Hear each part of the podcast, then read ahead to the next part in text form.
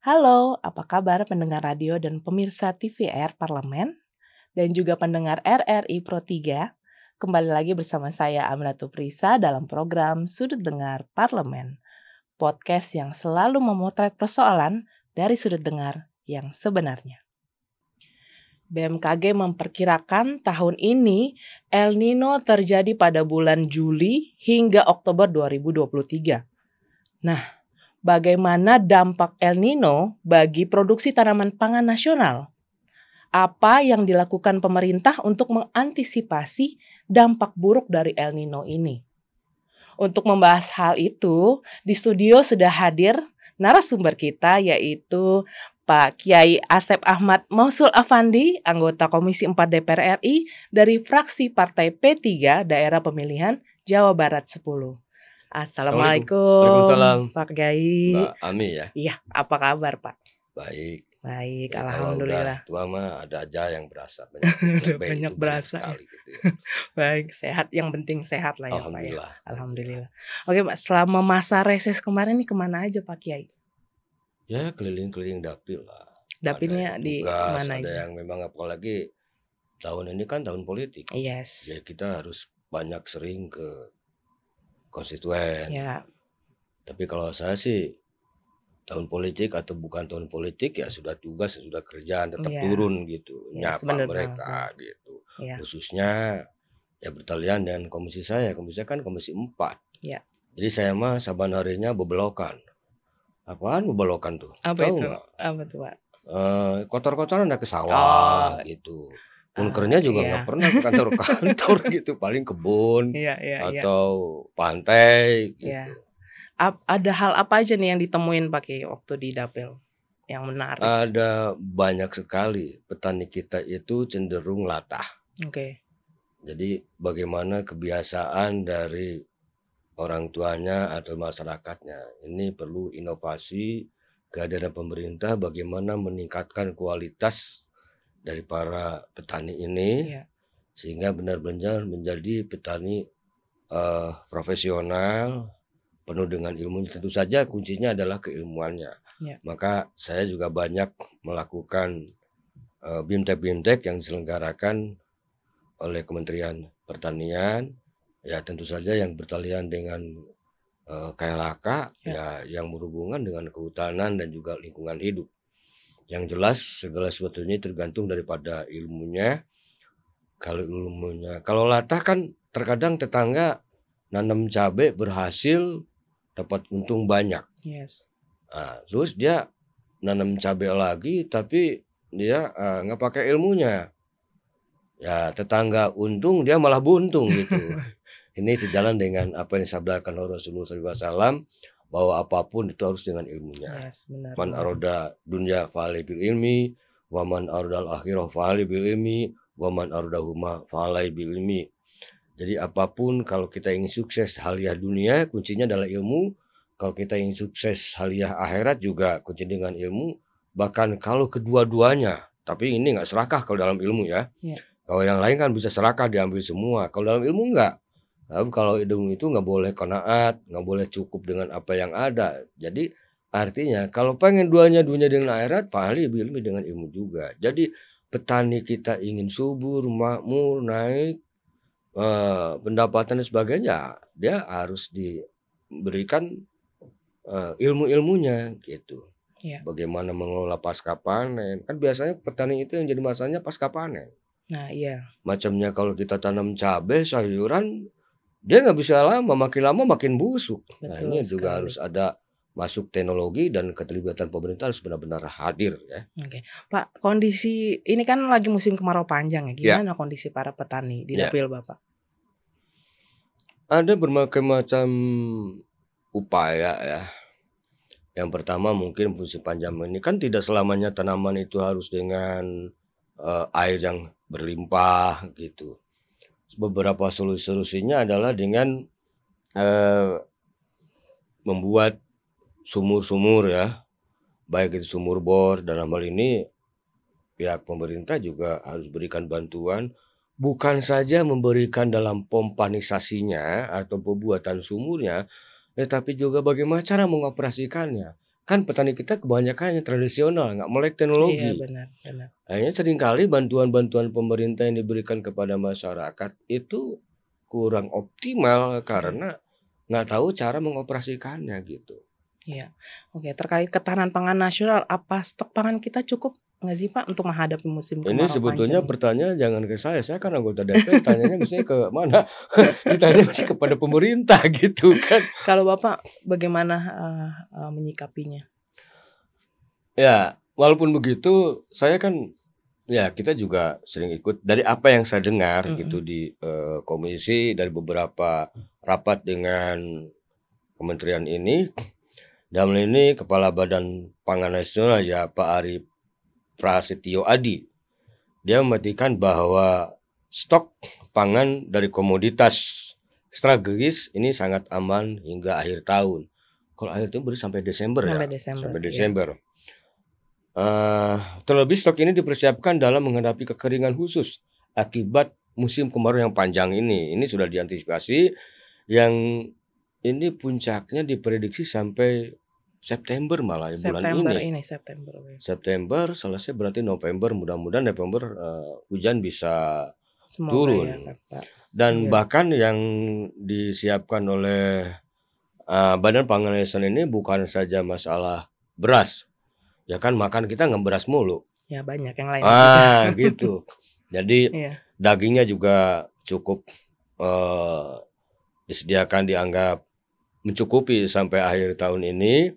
Apa itu daging ayam, Iya. daging ruminansia, sapi hingga daging kerbau sekalipun ya karena kan orang juga tidak selamanya dalam eh, mengkonsumsi daging kambing, sapi ya kerbau juga ada ya Iya. kita pemerintah katanya ini dari pemerintah sudah disediakan pula gitu ya.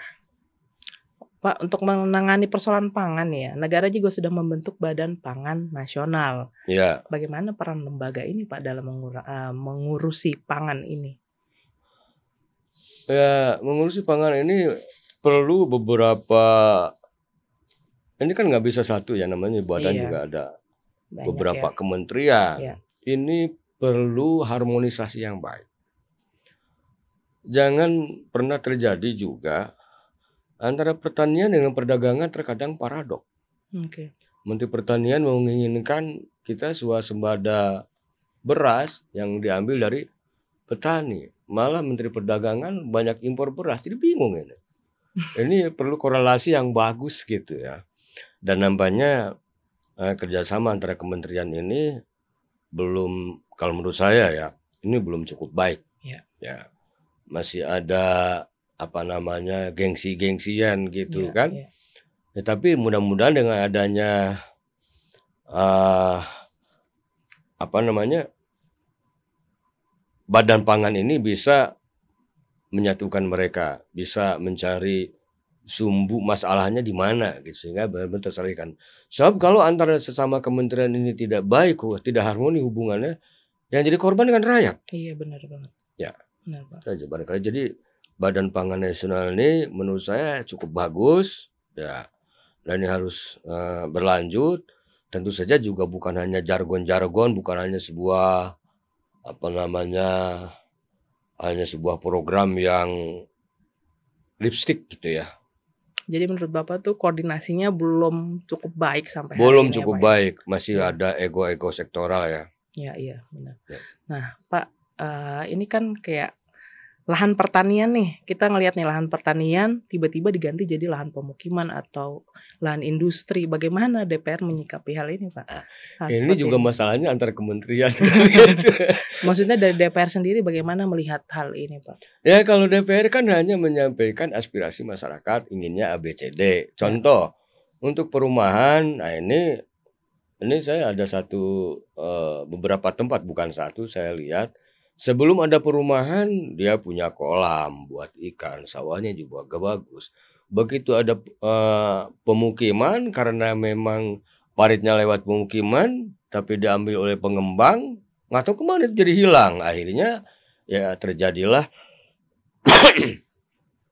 kekeringan Oke, gitu ya. sehingga banyak pengusaha ternak ikan ini gulung tikar begitu pula yang eh, petani lain Jadi mohon ini juga jelas-jelas antara kementerian ini harus benar-benar artinya seperti pengembang ini jangan hanya ke PUPR dia Iya dapat iya. izin tapi juga paling tidak ada rekomendasi dari eh, pertanian atau dari lingkungan hidup ya terutama itu. Ini Iya. paradoks sama-sama mengejar target tapi lupa sama kawan. Kan para menteri sama-sama kawan, sama-sama menteri Iya kan. benar. Nah, mestinya jangan saling menyinggung gitu, mesti saling memberi harus take and give gitu. Siap, oke. Baru-baru ini kan mencuat berita seputar program food estate. Ya. Nah, yang dinilai gagal oleh sejumlah pihak. Bagaimana pendapat Bapak? Sebetulnya tujuannya kalau menurut saya bagus ya. Karena kita negara kita kan negara agraris ya. Ya. Eh tapi masalahnya penempatannya tuh, Oke. alokasinya. Ya. Itu kenapa mesti jauh-jauh? Memang luas, tetapi sumber airnya nggak ada, kualitas tanahnya juga mestinya disurvei dulu kualitas tanahnya yang Iya. lebih baik. Karena ternyata ada beberapa daerah bahkan di dapil saya itu di daerah Kuningan itu sejauh mata memandang itu rakyat dan sampai di Majalengka itu semua sayuran. Lah, kenapa tidak dioptimalkan itu yang sejelas sudah ada petaninya, tanahnya tanahnya juga sudah oke. Jadi kegagalannya kayaknya ini kurang profesional di dalam eh, pelaksanaannya Oke. gitu. Tanpa survei lebih dulu hanya mengandalkan emosi. Nggak Artinya cuma ada dulu, gas iya. tapi remnya nggak ada. Gitu. Pengennya langsung jadi aja gitu. ya. Ah, akhirnya nah, sempat saya juga berkunjung eh, apa namanya ada kunker ya kunjungan kerja ke Sumatera sana kalau nggak salah Sumatera Utara eh Iya. Sumatera Barat kalau nggak salah itu begitu saya masuk saya sudah ah masa sih buat ini buat eh, food estate gitu kan Mm-mm. kualitas tanahnya juga hampir boleh dibilang tanah merahnya nggak ada Ya. terus tanahnya juga eh, airnya maksudnya juga mau dari mana gitu ceritanya panen bawang Ya. saya ini kan punya mata walaupun saya punya punya peta, bukan petani saya tahu lah mana yang ditanam dari awal mana yang ditanam dadakan Ya. masa begitu kita angkat melocon gitu aja Akarnya nggak Akarnya mana? Eh, saya Hilang. tahu itu eh, sangat terlalu banyak skenario-nya ya. Oke. Nah, itulah barangkali titik eh, kegagalannya. Iya. Padahal niatan Pak Jokowi untuk eh, membuat food estate ini sangat sangat bagus dan saya sangat eh, setuju gitu ya. Pak, ini balik lagi nih ke El Nino ya. Bagaimana Pak? Eh, El Nino orang mana sih? tahu Pak, saya belum nanya. Jadi eh, gimana nih Pak menghadapi menghadapi fenomena ini gitu Ya fenomena El Nino ini terhadap pertanian Ya, bagaimana? pertama kita harus memang eh benar-benar menyiapkan dan harus mencari solusi. Iya. Mungkin eh, salah satunya dengan membuatan sumur-sumur Iya. buatan, apakah itu eh, apa namanya dibor eh, sampai dalam, tetapi juga harus diperhitungkan tingkat keamanannya ya. Iya. Jangan sampai kita buat malah sekitar atau air apa namanya air bakunya lah menjadi hilang itu satu.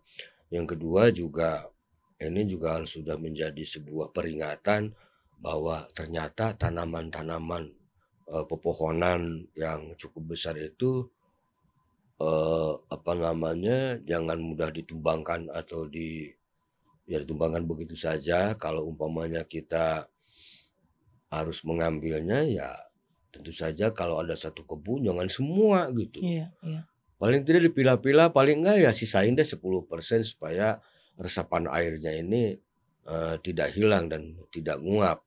Di samping itu juga ada satu hal yang tidak sepele dan ini pernah saya buktikan di rumah saya sendiri. Sekarang ini eh, sumur-sumur orang lain tetangga saya itu sudah nggak ada airnya udah kering banget. Eh, tapi sumur saya banyak. Kenapa? Sebab saya itu uh, setiap 10 meter di sekeliling rumah saya itu saya dibuatkan sumur serapan. Oh, oke. Jadi ketika orang lain nggak punya, saya mau punya gitu. Bahkan buangan-buangan air dari dapur pun Ya. tidak saya buang begitu saja, saya masukkan ke area situ gitu. Dan memang itu satu pekerjaan yang sangat mudah. Yang kedua, ini saya sedih sebetulnya, tapi nggak tahu di daerah lain di dapil saya banyak sekali irigasi-irigasi yang terbengkalai Iya, iya. itu ya. Terutama kalau di daerah saya itu dari Dasi Tandu ya, di Tasikmalaya pasca meletus Gunung Galunggung sampai hari ini nggak pulih kembali Aduh. Ah, di. Tasikmalaya. Iya. Bahkan saya juga kemarin dapat musibah kebanjiran itu gara-gara dam yang Bendungannya memisahkan air dari satu kali ke tiga kali berikutnya bobol. Oh, boleh. sehingga ya saya rugi besar. Sampai tujuh kendaraan itu kerendam. Dan baru dua kendaraan ini yang hidup. Rumah juga sama. Ya rumah saya pribadi kemudian keponakan dan tetangga yang lain. Kalau masalah pertanian itu juga karena eh, nampaknya pemeliharaan dari irigasi ini kurang baik. Sementara bantuan dari Kementerian Pertanian dan juga lingkungan hidup ini juga nggak besar hanya sebatas memperbaiki. Itu pun hanya jarak tertentu ya tidak eh, menyeluruh. Iya. terkadang di satu sisi dia diperbaiki tapi kan maaf di hilirnya jadi nggak nyambung juga gitu Iya. jadi kehadiran pemerintah saya atas nama eh, konstituen saya tolonglah bahwa irigasi ini benar-benar diperhatikan di samping itu juga bantuan-bantuan kepada titik-titik yang tidak terkena aliran sungai atau yang tidak terkena irigasi itu mungkin salah satunya dan memang ini udah ada programnya tapi belum terrealisir ya. Oh, oke. Iya. Pertama pembuatan embung baik skala kecil maupun skala besar. Ya. Ini dapil saya belum eh, belum terdengar nih adanya. Karena juga ada beberapa eh, prasyarat yang harus dipenuhi. Ya salah satunya kan ya petani cuma punya tanah segitu-gitunya harus dibebasin. Ya gimana nggak ada ganti Iya. ruginya. Benar. Sementara embung itu diperlukan oleh masyarakat banyak. Ya kalau pemainnya saya punya sebidang tanah lalu bikin embung, saya rugi orangnya. Ini gimana? Paling tidak ada ganti rugi, bukan hanya masalah eh, apa namanya membuat Membuat, damnya iya. atau membuat apa namanya bendungannya saja. Iya. Nah, tapi kalau tadi contohkan ke saya seperti itu atau eh, hal lain juga selama ini bantuan pemerintah hanya memberikan pompa. Oh, oke. Nah, pompa. Sementara tidak ada program buat sumur-sumurnya. Bukan tidak ada, Belum. Eh, belum memenuhi kebutuhan, gitu ya, iya. belum memenuhi kebutuhan. Jadi, tapi yang paling banyak berikan pompa. Tapi kalau untuk sumur-sumur dalam atau sumur bor itu nampaknya kurang, masih kurang lah ya, nggak optimal gitu. Mungkin salah satu solusinya di samping kita preventif dengan menanam tanaman-tanaman yang berskala panjang, bahkan saya pernah mengusulkan dan jujur saja ini diketahui dan saya sendiri juga pengen ketawa. Sebaiknya dalam program eh, apa namanya penghijauan itu kurangi tanaman yang sekiranya mudah ditebang. Oke. Kalau kayu jati, mahoni atau albasya itu pasti akan ditebang. Tapi coba kita tanam eh, apa namanya beringin. Saya yakin kalau beringin bakal ada yang nebang ya. Tapi beringin ini sangat sakti dalam apa, me- mempertahankan air karena akarnya begitu banyak. Banyak, iya. Jadi eh, ini tapi saya diketahui dan saya sendiri memang ketawa gitu ya. bukan apa-apa padahal saya punya amanat dari ayahanda Al-Yaram Kiai Jawara Pandi dia bilang ke saya sempat pesan dalam bahasa Sunda Sep lamun ayah cai nyusu pelakan kiara tapok artinya saya kan namanya Asep nih kalau ada sumber air itu yang suka air baku ya segera tanami pohon beringin. Supaya itu benar-benar eh, terikat dengan baik airnya nggak ke mana-mana. Makanya kalau zaman orang tua dulu beringin itu dibikin sakral ya dibikin angker. Ada jinnya lah ada jurunya. Iya. sebetulnya itu langkah orang tua kita supaya pohon beringin itu Nggak tidak ditebang. tidak Iya. tebang. Iya. Tapi sekarang malah pohon beringin menjadi bonsai. Tapi pakai program pemerintah Pak Jokowi ini untuk membangun infrastruktur pertanian sendiri ada nggak sih programnya itu? Eh, baru ada program-programnya saja. Ada banyak lucu-lucunya ya. banyak lucu-lucunya. Kenapa saya bilang ada banyak lucu-lucunya? Gini, ketika ada subsidi pupuk yang sampai 100% ya, Ya. subsidinya dari anggaran sebelumnya, bulan berikutnya malah pupuknya hilang. Waduh. Pupuknya digantikan Ke mana dengan kartu tani. Kartu taninya juga susah. Ah iya. Ya, dia kan perlu akses eh, online gitu. Iya, iya. Ya di kampung mana ada. Terus scan-nya juga nggak ada. Jadi sebetulnya cita-citanya si Pak Jokowi ini bagus, tapi di Iya. tatanan pelaksananya ini Belum. ya tadi saya bilang tadi gasnya gede, remnya yang kurang. Nggak pakai ini kan ada info nih ada berita India menyetop uh, impor beras. Itu bagaimana pakai Indonesia apakah bergantung dengan Impor atau ekspor?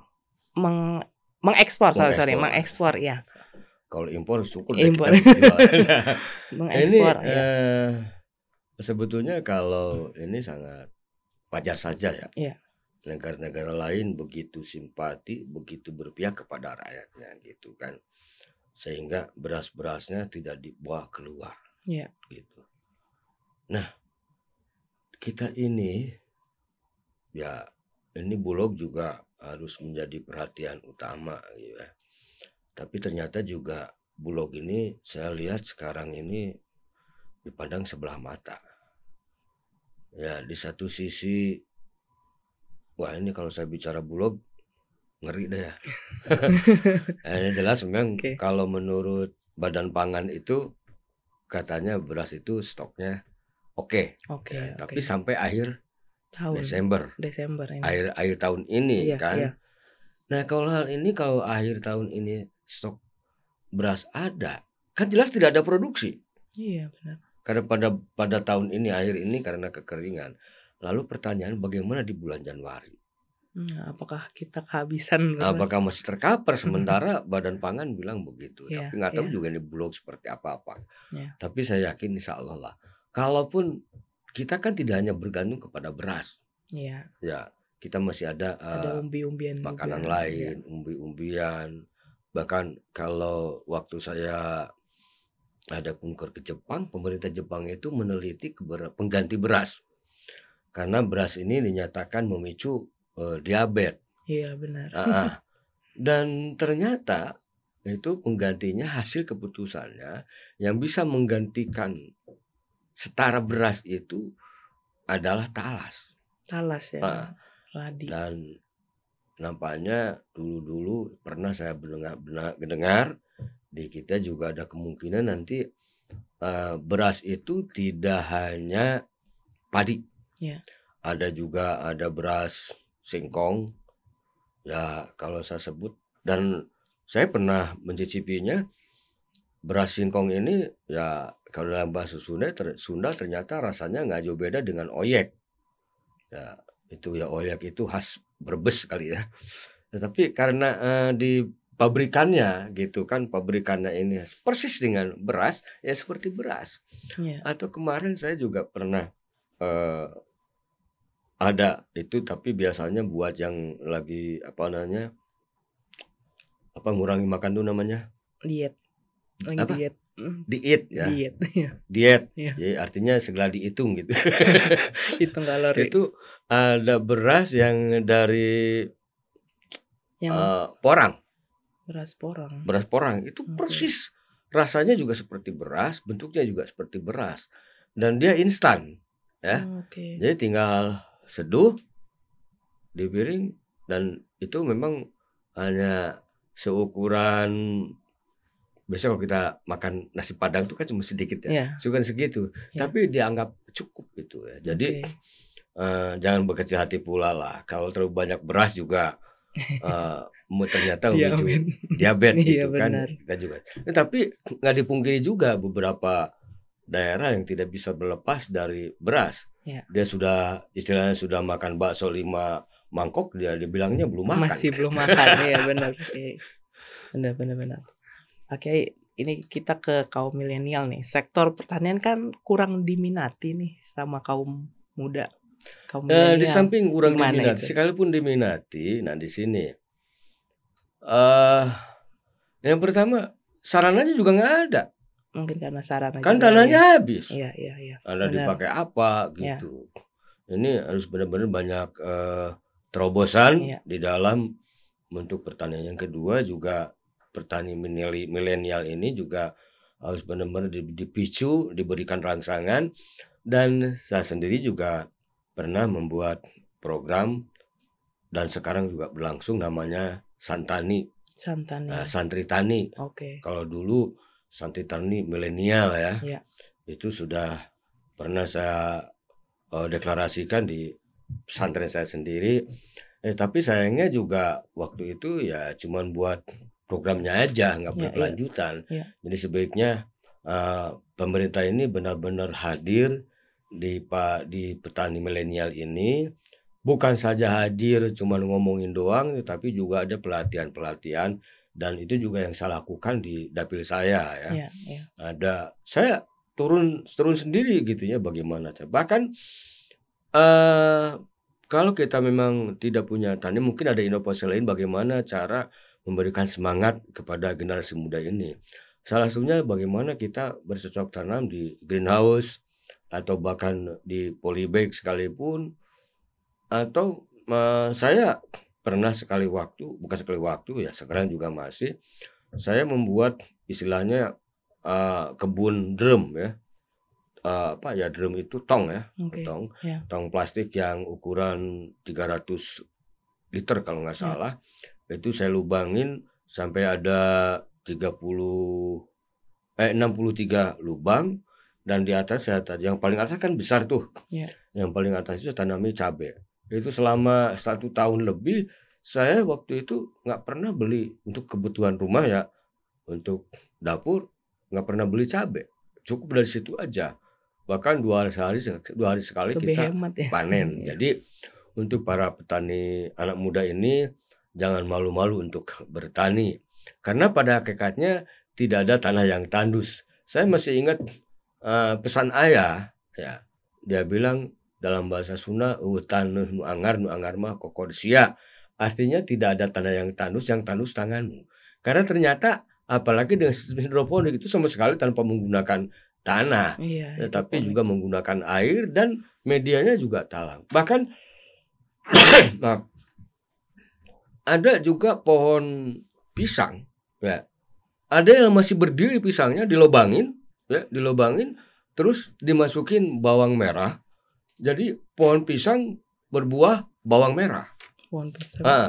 Atau setelah Jadi biasanya dua. bahan pisang itu kan kalau sudah diambil apa namanya, diambil buahnya, digelatakin atau di eh, cacah begitu Iya, saja. iya. Tetapi coba kalau kita upamanya kita dijejerin gitu kan, terus kasih lubang-lubang kecil, itu masih bisa ditanami sayuran dan tidak perlu nyiram karena dia sudah ada airnya. Iya. Dan juga tidak perlu eh, apa namanya dikasih lagi pupuk. Kalau pakai pupuk ya mestinya lebih bagus. Dan kalau yang saya perhatikan juga para milenial ini para petani banyaknya eh, apa namanya mengeluh mengenai eh, pupuk. Kalau menurut saya pupuk itu tidak selamanya kimia dan bahkan pupuk kimia ini atau pupuk pabrikan ini kebanyakannya merugikan. Seperti urea makanya sekarang pemerintah itu menyetop ya subsidi urea. Iya, orang. Urea itu ternyata memicu eh, tanahnya itu menjadi keras, jadi tidak poros. Tidak tidak poros artinya kurang subur gitu. Dan ada lagi perilaku petani ini kalau itu kalau bakar jerami, jerami kalau habis itu kan suka dibakar. Iya. Itu saya paling paling nggak suka ya. Kenapa? Karena dengan adanya dibakar, air yang ada di sana pun dia nguap. Yang kedua, ini mesin biopori tanah mati. Ya ini cacing tanah. Kan tanah yang subur itu perlu biopori Ya. untuk mendapat mengantarkan oksigen, Oksigen, ya. gitu. Supaya air juga bisa eh, poros. Ya kalau keras, lu gimana? Ditambah lagi jeraminya juga unsur haranya eh, akan berkurang. Seperti ahli tani saya. Ya. Nggak apa-apa. Oke, ini pertanyaan terakhir. bagaimana keberpihakan negara terhadap pertanian dan kesejahteraan para petani? Keberpihakan sudah ada. Sudah ada ya. Tapi di tanah action ini perlu ditinjau ulang. Oke. Okay. Jadi harus ada internal control system, harus baik, pengawasan, baik. Ya. dan ini harus semua pihak. Ya. Jadi tapi uh, salah satu kelemahan kita ini belum apa-apa curiga duluan. Jadi selalu uh, negatif tinggi. Ya, Mestinya ya. kita bisa membangun kerjasama. Iya gitu kan. betul. Ya. Optimis gitu. Yes. Ini belum apa-apa sudah negatif duluan kan ya tidak akan terjadi sebuah kebersamaan. Betul. Sekali. Tapi kalau kita membangun bersama, kalau memang kita kurang atau kita menemukan kekurangan di orang lain, ya kita bilangin. Nah kenapa? Saya umpamanya punya kekurangan. Nah, ini Mbak Ami, Ami, ya Mbak Ami pokoknya melihat kekurangan saya. Jangan ngomong di luar. Gimana saya tahu bahwa langsung saya ada depan. ngomong sama saya dong. Nah, barulah baik, saya baik. bisa memperbaiki diri. Iya. Kalau Mbak Ami ini ngomongnya ke orang lain, ya gimana saya bisa memperbaiki? Iya betul eh, sekali. Maaf ya. ini satu, satu aman, contoh aman, gitu kan. baik. Ya. Oke, Pak Kiai, kita hmm. akan berbincang-bincang lagi di waktu berikutnya kalau okay. misalnya Pak Kiai. Terima kasih. ya. Mau Thank you banget. Uh, makasih banyak untuk waktu dan hmm. segala uh, apa ilmu yang kita dapat hari ini. Nah, mudah-mudahan saya juga bukan ahlinya. Ya, mudah-mudahan saja apa yang saya omongkan yes. ini manfaat. Iya, Dan terima tentu kasih saja karena saya banyak guyon-guyon, maafin juga ya, jangan apa-apa aman-aman. Ya. Oke. Okay. aman. Pemerintah dan seluruh mars Pemerintah dan seluruh masyarakat harus lebih siap dalam mengantisipasi uh, bencana meteorologi El Nino di Indonesia. Semoga kita berharap semoga El Nino ini akan segera berakhir baik di Indonesia maupun seluruh dunia. Saya Amila Tuprisa beserta seluruh kerajaan sorry. Saya Amilatu Prisa beserta seluruh kerabat kerja yang bertugas pamit undur diri. Terima kasih banyak dan sampai jumpa di Sudut Dengar Parlemen selanjutnya. Bye-bye.